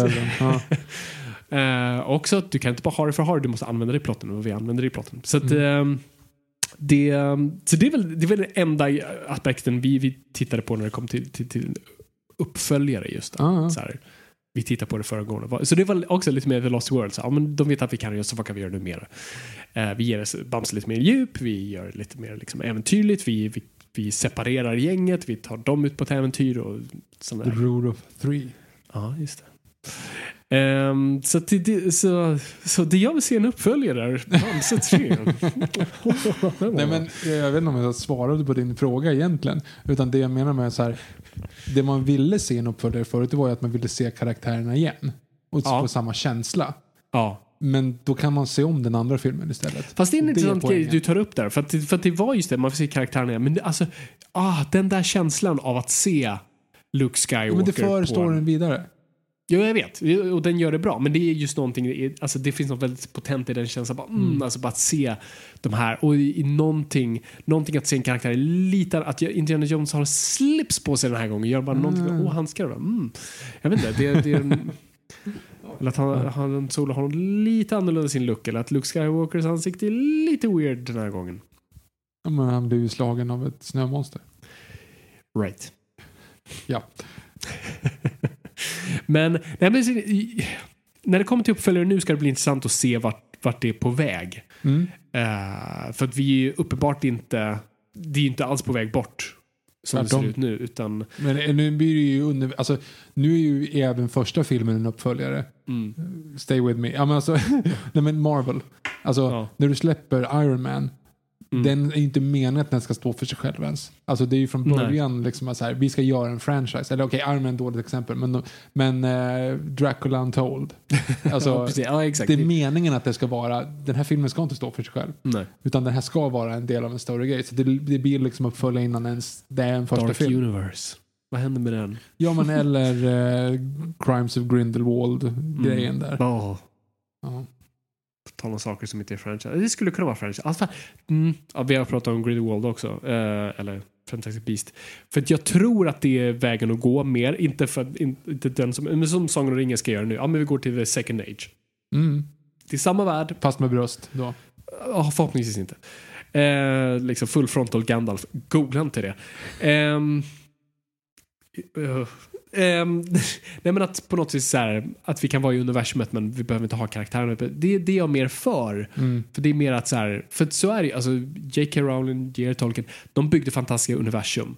Och eh, universum är till för att liksom, konstruera stories och föder det med stories tycker jag det är en bra grej. Det som just Lucas sa, vilket inte stämde, att jag gjorde leksakerna för att de skulle få berätta sina egna stories. Bra svar George. Men- Bra Men eh, det, det, det är så jag ser det. Liksom, jag, jag tycker det, det, det ser jag mer positivt än att säga, okej, men vill vi verkligen följa Shia LaBeouf slåss mot robotar en gång till? Nej, vi, det, det gör vi inte. Ehm, och då var det smart att göra Bumblebee-filmen. Ehm, men ja, så att eh, jag vet inte vart det är på Jag hoppas på att vi berättar nya stories, för jag tror filmmediet, alltså i och med nu corona, jag ska inte bli för doom and gloom, för jag, jag är en optimistisk person. Men, men med, med nu corona, så här, det här kommer bli tufft för filmbranschen. Eh, och det kommer ta många år att repa sig. Och det är inte som att filmbranschen var på topp. De var det finansiellt, men de var inte det kulturellt. Eh, och Netflix var där, streamingmodellen var där för att ta över och gå om, för de hade redan gjort det. Och de har liksom varit på mils avstånd. Och Framförallt rent kulturellt. Alltså det är kulturen som rör, rör storyn framåt. Och liksom, jag sitter och tänker på det ofta att du kan hamna i den här Oscarsbubblan varje år och jag hamnar i den också. Där jag ser en film bara det här är ett mästerverk, det här är helt fantastiskt. Typ, shit, fan vilken bra film. Och sen, sen ett år senare bara, mm, okej, var det verkligen det? Var jag bara i den där bubblan? Och det är lite där film är just nu. Att jag har inte sett en film på länge som så här, oh shit, det här rörde typ mediet. Eller det här var gjorde något intressant med mediet och jag kände att shit, det här utmanar mig och det här utmanar alla andra. Det var länge sedan. Du kanske ska se om, gör det typ se om Tenet då. Kanske är det som är Tenet grejen. kanske är den som gör det, fast samtidigt så här, mm, fast Tenet misslyckas fortfarande med sitt uppdrag, tycker jag. Jag är fortfarande kvar. Det var alltså, jättekul med förra avsnittet, om ni inte har lyssnat på det, vår recension som vi gjorde med uh, Robert Laul. Robert Lau, eh, som vi var otroligt tacksamma att ha här. Eh, det var jätteintressant och de grejerna han hade att säga och det gjorde mig mer taggad och det gav mer djup till det. Men, men som jag sa då även att men den misslyckades med sitt initiala uppdrag av Mm. att göra mig intresserad. Filmen senast som jag såg som jag tänkt verkligen så här jävlar det här står för sig själv och det här går bra. Det är Three Billboards. Så det är länge sedan nu. Mm. Ja, alltså jag gillar, men ja, du gillar nog den mer än jag. Jag diggade den, men det var, det var ingen film som jag liksom... Ehm, jag kan inte komma ihåg vilken scen som verkligen så här... Det finns filmer som så här kan fånga mig verkligen och som sitter kvar. Jag tänker nu, för att vi kommer prata om honom om en stund här, men, men, men Mike Flanagans Gerald's Game var en helt fantastisk upplevelse. Men det var för att den gjorde någonting på så här primal nivå hos mig. Den, den, den, den uttryckte rädsla som jag inte visste. Liksom, jag kände grottmannen i mig i den filmen. För att så här, aha, det är så här det är att se en leopard i mörkret. Ja. Så är det så här man reagerar? Oh shit, det har jag aldrig, aldrig känt det förut. Ja, okej. nu Vi, vi kan avsluta det här för du vill börja recensera. Jag vill bara... sista mini-mini-grejen. Ja. Det är ju ett kategorin Cash Grabs uppföljare som finns för att det bara sker. Mm. Ingen vill. Det bara, det, bara, det bara blir så. Ja. Och jag tänker på alla Halloween-filmer, alla Jason, alla Ja, gud, Friday the pratar 13th. inte ens om dem. Ja. Alltså alla sådana här slasherfilmer som bara så här. ah, Okej, nytt år, vi måste göra en till så-film. Vad ska det handla om nu då? Jag, jag, jag, jag vet inte. Han, han kanske... Pff, kanske en knarkare och som blir inlåst bland sprutor. Ja, men det, gör det. Skriv det bara. Men hur ska vi... Skitsamma, skriv det bara. Vi gör det nu. Okej, och nästa då? Ja, den ska fälla, typ någon dör om de inte... Jag vet inte, hitta på någonting bara. Och så bara blir det det. Åsa-Nisse-filmerna, samma sak. Kommer ut en varje år. ja. Samma skit. Sveriges Alltså, Bond-franchise. Ja men, ja men ja, eller Stig-Helmer, alltså Sällskapsresan Mm. gjorde väl, men Sällskapsresan är mer kärlek i såklart. Men, alltså, men när det är den här typen av filmer så här, okej, nytt år, vi måste ha en ny, ny sån film. Mm. Biffen och bananen, lite samma sak. Alltså, det handlar om att vi måste få ut en film snarare än vad vill vi berätta. Det är lite kul med, med Jason-filmerna, för jag tror det var med fyran. Alltså Paramount skämdes över att göra Halloween-film, eller inte Halloween, förlåt, oh, sorry, just Friday Friday, 13. Eh, skämdes verkligen, tyckte det var så här, en fläck på deras, så, här, så de sa okej men efter den här är ni klara så lägger vi ner den här skiten. Så jag tror i den så dör Jason, jag, Han dör blir alla typ. han dör typ, men där skulle han verkligen säga finito. Ja. Eh, men sen blev det en sån jävla stor hit så de bara fuck. Okej, gräv upp honom. Nu är det hans mamma och sen är han i rymden och sen så är han odödlig och sen så, Precis. Så sen har vi Freddy vs Jason. Så jag gillar ändå att det var liksom, det fanns någon integritet där. Som sen bara, nej, okej då. Ja, vi Eh. måste ha aliens mot predators, vi måste ha... Ja, Men det är ett intressant fenomen med sådana uppföljare. Nu har inte jag ett sånt exempel, om du kanske kommer på det. Men det, jag älskar att så här, när en film kommer från out of nowhere och råkar bli en hit. Och man ser att studion bara säger okej, så vi gör en uppföljare. Och man ser så här, men nej, nej, nej, gör inte uppföljare. Det var bara, en, det var bara weird, lite som så här Clash of Titans. Det här är ingen hit, det bara råkar vara en hit, det råkade vara tre. Ni råkade bara surfa, det var en lucka där. Det där förtjänar, jag fick, fick Clash of Titans en uppföljare, jag tror Ja, Wrath of the Titans. Ra- Precis. Ja, ja. Där du sög sånt där som du bara så här, det här, kom- vi, vi, det är som att så här, alla i studion bara vet så här, det här kommer det kommer bli en flopp, vi vet Men det. det är det, jag funderar på om måste de verkligen vet det. För att den blev ju en jättehit på grund av Avatar. Mm. Alltså de postkonverterade till 3D och alla som såg Avatar ville se mer 3D och så Mm. såg de den, blev åksjuka och sen så glömde de den dagen efter. Den enda, som inte fattade, den enda som inte fattade att filmen bara var en hit på grund av att man råkade gå och se den på bio, ja, det var ju de som gjorde den. De gjorde Jag, en jag tror, min te- teori i mitt huvud är att jag tror ändå filmmänniskor, det är den här klassiska nobody knows anything, men jag tror att det finns ändå lite mellanöron på dem. Men jag tror inför deras hur är det ekonomisnack, Victor, så får fylla i luckorna. Vad kallas det? För? Shareholders, vad heter det? Aktieägare. Aktieägare, så tror jag, och ägare, är det någon sån här, "Ah, kolla ni har den här hitten, varför gör ni inte en till för? Jaha, okej. ja, men, Nej, alltså ja, vi ägare, tror inte, okej. men vadå, den tjänar ju nästan en miljard varför gör ni inte till? Nej, alltså tro mig, gör en uppföljare bara. Ja, ja, Jag tror det är en så sån grej, att de är lite gisslan av, av eh, förväntningar. För ibland kan du få dessutom en möjlighet. Så här, nu ska vi göra en uppföljare. Gör vad du vill. Alltså Mm. så här, vi, vi, vi gör, gör vilken film du vill men använd den för att hooka upp på det här. Alltså Supergirl är väl ett sånt exempel. Mm. Alltså, det är inom universumet men det är ingen uppföljare utan du gör någonting annat. Liksom. Ja, nej precis. Ja, är det, Ja, det är en intressant poäng, jag har aldrig tänkt på de, de grejerna. Det, det är en intressant tanke. Ja, shit. Nej, det blir intressant att se vad, vad, vad...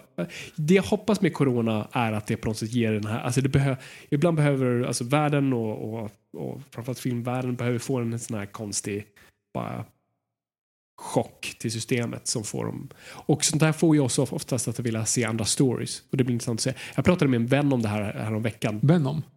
Ja, jag pratade med en vän om det. Ah, Han är polare. Med en vän Mm. om... eh, En Venom? Eh, nej, okej. Jag pratade med en producent Ja. som är en kompis Ja. eh, om vart vi trodde filmbranschen var, var på väg någonstans. Eh, och det första jag sa så här, ah, ja men eh, nu, det här är ju så doom and gloomy så folk kommer bara vilja ha liksom happy-go-lucky-filmer efter det här. Och sen så stoppar jag mig själv bara, mm, mm, okej vänta, nej.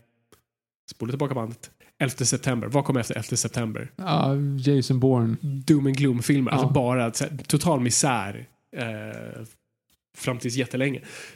Det typ ekar än idag. Och det, är så, ja, just det, det faktiskt behöver inte betyda att det blir just Happy-Go-Lucky typ det vi haft lite nu ett tag. Alltså Marvel drog in det lite tillbaka. Det pikade typ en Dark Knight, efter Batman vs Superman, en riktig doom and gloom. Och så har Marvel på något sätt, och så har det varit lite mer så vi får se om det kommer en mörk fas igen eller om det blir, jag vet inte riktigt vart, vart vi är på väg. Jag hoppas på att det kommer finnas en hunger för att sitta i ett mörkt rum med främlingar och att någon nyser bredvid en är okej. Mm. Och att vi vill bara uppleva en film tillsammans. Men de storiesna finns där. För, alltså, unga manusfattare och regissörer där ute, alltså för guds skull, berätta bra stories. Det är det som kommer få asses in seats. Dum Dummare 2 har jag glömt bort finns. Mm. Och dum dummare. Dum och ännu dummare. Ja, just det. Precis. Fast det var en prequel. Just det. Ish. Nämnde vi den i vårt prequel-avsnitt? Jag vet inte. Nej. Skitsamma. Recensera nu. Jag känner att vi bara snurrar i cirklar. vill absolut. ni, vill, tycker ni att ni eh, tycker att vi babblade för mycket, sluta lyssna. Eh, om inte så får ni gärna skriva av er på hashtag NOJPOD eller på Instagram när vi lägger ut att kolla ett nytt avsnitt så kan ni skriva vad ni tycker om prequels kommer, eller om sequels. Kommer ni ihåg eller kommer ni på någon film då som ni tycker så här, ja, men vänta lite här nu, den här står ju på sina egna ben och den fick ingen uppföljare. Mm. Ja, då kan vi svara direkt att nej, men det finns inte så mycket mer att berätta om efter där undergång. Så att jag vet inte heller vad vi skulle göra med det. Så det finns ju några sådana exempel. Iron Sky. Ja, Iron Sky. Eh. Ja. Nej, men alltså, det, det är klart att det finns massa exempel, men jag kommer inte på, på det nu bara. Mm. Nej, nej, men absolut. Vi uppmuntrar er att höra av er. Okej, nu måste jag prata om uh, Haunting of Bly Manor och jag kommer spoila saker direkt så att har ni inte sett den så ja, men stäng av nu. För Okej. det, Victor kommer aldrig titta på den. så Aha, att, eh, jag hoppas att han ser Haunting of Hill House. eh, för det, jag kollade om den nu. Så okej, så låt mig... Jag vill bara prata om det här för att jag inte fått prata med någon om den här. Och det här hjälper ju inte riktigt för att Victor har inte sett den. Men jag vill bara exakt. prata ut och jag vill ha res- respons från folk om, om, om för att jag har en, en tanke. Nej, Så men- för er som inte har sett det så lu- sluta lyssna nu. Sluta Tack för att lyssna. ni har lyssnat. Hej då! Hej då. Haunting of Hill House tyckte jag var, på tal om så här, filmer och me- hur tv liksom dödar filmmediet. För två år sedan då den kom så när folk frågade vad var din favoritfilm så jag, jag har den här kanske. Men min, mitt favoritmedie i år var Haunting of Hill House. Det tycker jag var eh, ett så faktiskt mestligt berättande. Du måste kolla på den Victor. Den kommer jag inte spoila då. Så att, eh, kolla på den. Det är Ja, jag kollar, för jag kollade om den nu och jag kollar om den med min fru som inte klarar av skräck så hon, hon får, jag får kolla på den när hon sitter och jobbar. Jaha, hon sitter med sina och kollar lite Ungefär för mig och Snoddas-filmerna. Ja. Yes. Eh, och, eh, och det som är så kul är att hon, hon vill inte kolla på det, men hon kan inte låta bli att kolla på det för det är så jävla bra. Hur som helst, det, den var helt fantastisk. Jag älskar Mike Flanagan, jag älskade Dr. Sleep som han sen gjorde. Den finns på Netflix by så nu måste du se Dr. Sleep. Den ligger på min, citationstecken, min lista. Ja, se till när du har gjort det så ska vi prata om Dr. Sleep. Eh, Det är det. Han gjorde, I tre år i rad gjorde han de bästa grejerna jag hade sett. Uh, Gerald's Game, Haunting of Hill House och Dr. Sleep. Han har för mig varit, så han är för mig den mest intressanta regissören ute just nu. Han är inte en person som drar till sig lika mycket uppmärksamhet som en Denis Villeneuve. Denis Villeneuve eller Nolan. Alltså det är ingen så visuell mästare på så vis. Hans stil är lite jobbig ibland tycker jag. Den är för color graded och ser för liksom, digital ut. Men, eh, men han är en sån jävla bra berättare. Han är otroligt, han är inte rädd för att vara sentimental. Hans skräck är helt rätt. Det är mer någonting läskigt som står där borta än blä. Eh, och det är det jag verkligen gillar på honom. Så jag såg väldigt mycket fram emot Haunting of Bly Manor. Och det har gått två år nu. Så att det här är då, ja, nu- ni alla vet men jag sammanfattar för Viktor. Så att Haunting of Hill House var sin egna story, var sin egna inkapslade, det var som en tio timmar lång film. Ehm, och eh, uppföljaren använder då en annan bok, för den Haunting of Hill House var baserad på Charlie Jackson-novellen. Det här är byggt på en eh, Henry James-bok som heter uh, The Turn of the Screw, men de har även blandat in lite andra av hans stories där. För det finns ingen liksom, konkret bok de använder sig av på samma sätt. Men det gör inget för Hill House var ändå löst adapterad. Eh, för om du kollar på The Haunting som är baserad på samma story så du ser ingenting mer än att huset kanske är lite liknande. Men det är ingen hand som poppar ut från en dörr och slår någon. En dörr som formar som en hand, exakt. Precis. Eller Owen Wilson får inte sitt huvud uh, avhugget av... Vad är det för Jag något? vet inte, någon sån här grej som hänger från taket. Jag, Jätteweird. I en liksom öppen Mm, spis. Jättekonstigt. Jätteweird. Ehm, så jag var skittaggad på den här. Och ehm, jag behöver inte säga för att det här är spoiler, så ni vet vad den handlar om. Men eh, det är ytterligare ett hemsökt hus med karaktärer. Och det Mike Flanagan oftast gör, det handlar inte om spöken, det handlar om trauma, det handlar om vad, vad spökena representerar. Det är det vi gillar med det. Och han gör det sjukt jävla läskigt. Ehm, men det jag måste säga att jag var besviken på den här säsongen. Det är fortfarande topp, det är fortfarande bra, det är stadigt, men han har klivit av som liksom, han nästan skrev och regisserade varenda avsnitt av Hill House och här är han bara showrunner, så han skrev och regisserade bara första avsnittet. Och eh, så att det är lite av en besvikelse och det jag ville prata om främst var i form av karaktärsutveckling. Så jag vill att ni lyssnar nu, hör av er om jag har fel. Så vi har vår huvudkaraktär som har lite eh, trauma med sig. Så, så, Okej, jag kan berätta storyn för dig Victor. Ja, ja, ja, jag sitter här. Så det handlar om en, en eh, ung amerikansk kvinna som är i London av någon anledning på 80-talet. Mhm. Och eh, det här, det här på något vis eh, sammanfattas av, det här berättas som en spökhistoria av en, av eh, eh, G, vad heter hon? Gene Hackman. Nej, Jean, Gina Davis. Gina, nej. G- nej, hon heter Carla Gugino. Uh, Silk Spectre, den äldre i Watchmen. Ah, Um, sammanfattas väl. Så det handlar om en ung kvinna som kommer till, till London, eh, ska ta jobb som uh, au pair i stort sett till ett eh, ba, par barn som bor i, i ett gammalt hus. Deras eh, farbror som är deras då, vad kallar man det? Jag kan inte prata. jag Det här är jättedåligt. Hur som helst, han som har hand om dem tar inte hand om dem. Han vill bara att en barnflicka tar hand om dem åt honom. Så han bara, hon får jobbet, hon åker till Bly Manor där det finns bara typ en eh, som sköter trädgården, en kock och någon som håller koll på huset. Men that's it. Och så börjar mystiska saker ske. Ah. Ehm, så det är i stort sett det. Men den här kvinnan har trauma med sig. Hon, hon kan inte se speglar för varje gång hon kollar i en spegel så ser hon någonting. Så vi Aha. fattar inte först riktigt vad det är. Och det vi förstår sen är att det är trauma till hennes ex-man som tragiskt dog. Så Ah. vi tror först att det är spöken men det är egentligen traumat av honom som hon ser. Så varje gång hon kollar i spegeln så ser hon honom. Hur som helst, under seriens gång så vi får lära oss att det finns, ja det är uppenbart typ spöken här och var det främst är ett huvudspöke som är The Lady of the Lake som är en kvinna som mitt i natten vandrar upp i huset och går längre. Jag får lite gåshud när jag tänker på det. Hon, van, hon kom, vandrar upp i vattnet och vandrar runt i huset. Mm. Och eh, går, står du inte hennes väg så är, det- är det okej. Hon kommer inte göra dig illa. Men råkar du gå i hennes väg så dör du. Ehm, vad som sen händer är i stort sett att bä, det här är jättedåligt. Jag vill Nej, bara komma till på. min poäng. Så vad som i stort sett, den här tjejen som jag har följt offrar sig till slut. Hon ser till att den här kvinnan kan typ nästan som en exorcism, alltså att hon kan annan, hoppa in i hennes kropp. Hon tar hennes själ i stort sett så att hon inte längre kommer eh, hemsöka Bly Manor. Det är mycket som leder till att det här är väldigt dåligt sammanfattat. Men vad som händer då är att hon vet att den här kvinnan är i henne. Hon vet att det är en väldigt destruktiv kraft. Hon känner att det här kommer en dag liksom, ta över och troligtvis döda henne. Och hon blir tillsammans med trädgårdsmästaren och det blir jättegulligt och allt sånt där. Men hon vet att det är någonting inom henne som en dag kommer förgöra henne. Och till slut så börjar hon se henne i sina reflektioner. Eh, och det slutar med att hon, för att inte skada människorna runt omkring sig, tar sitt liv. Det för mig var konstigt rent dramaturgiskt. För att när du har en karaktär som vi öppnar storyn med, ser saker i en spegel som på något vis eh, tar över ens liv och, och, och, förstör ens liv på många sätt. Eh, då vill du ju se den karaktären överkomma det och sen. Så det jag tror, varför det inte funkar, och det är här varför jag tror den här kanske inte har fått samma liksom, mottagande som den första är att den här dramaturgiskt, för den, Hill House var fantastiskt dramaturgiskt, den här funkar inte dramaturgiskt. Det är just för att du har en karaktär som börjar exakt där den slutar.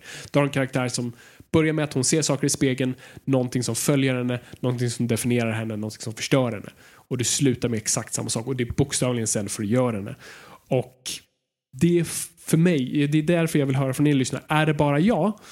Eller är det faktiskt så att det är därför den kanske inte kopplar med er lika väl för att du har en karaktär som landar i stort sett där de började. Så dramaturgen i mig blir så här ryggar tillbaka för att det, det, tog, det tog så mycket från det emotionella. Jag hade så gärna velat se en karaktär som säger nej men jag lever, kommer leva med det här. Jag vet inte vart det leder men nu äger jag det här. Jag äger mina spöken. Det var det jag ville säga.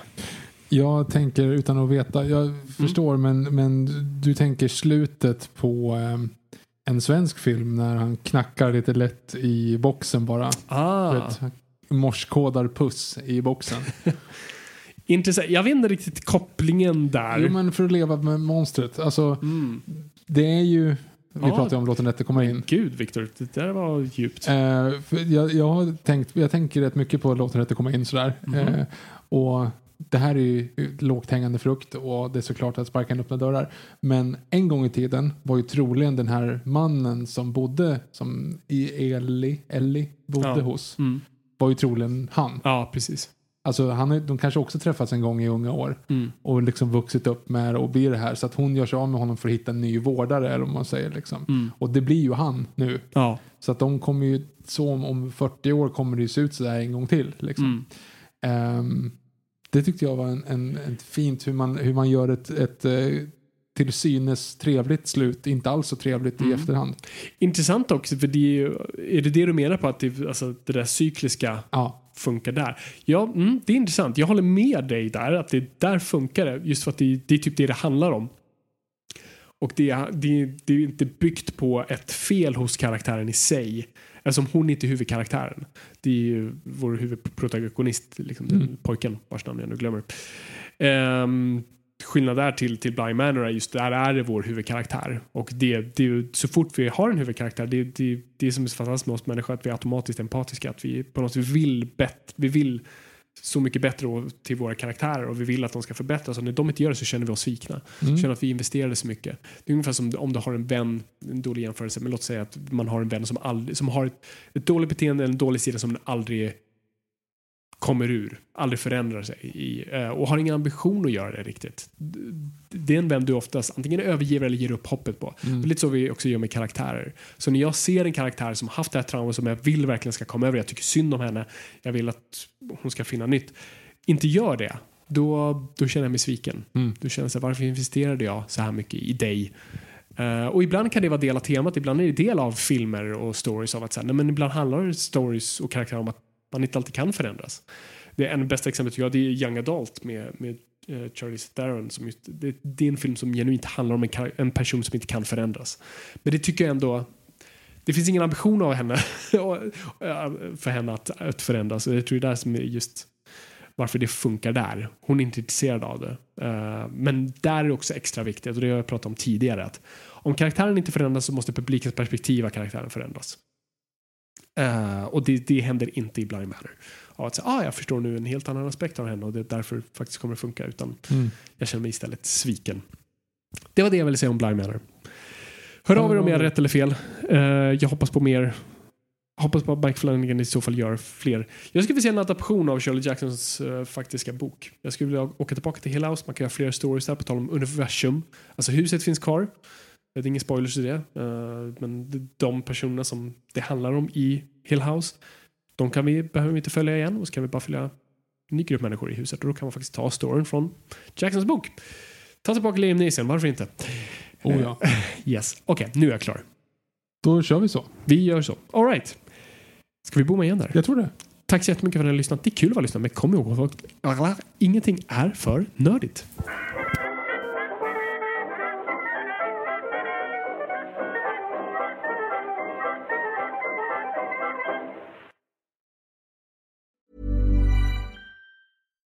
Deserves the best, and there's no better place to shop for Mother's Day than Whole Foods Market. They're your destination for unbeatable savings, from premium gifts to show-stopping flowers and irresistible desserts. Start by saving 33% with Prime on all body care and candles. Then get a 15-stem bunch of tulips for just $9.99 each with Prime. Round out Mom's menu with festive rosé, irresistible berry chantilly cake, and more special treats. Come celebrate Mother's Day at Whole Foods Market.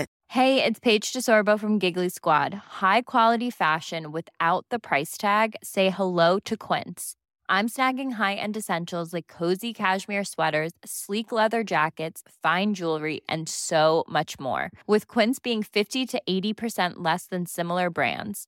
And they partner with factories that prioritize safe, ethical, and responsible manufacturing. I love that. Luxury quality within reach. Go to quince.com slash style to get free shipping and 365 day returns on your next order. Quince.com slash style.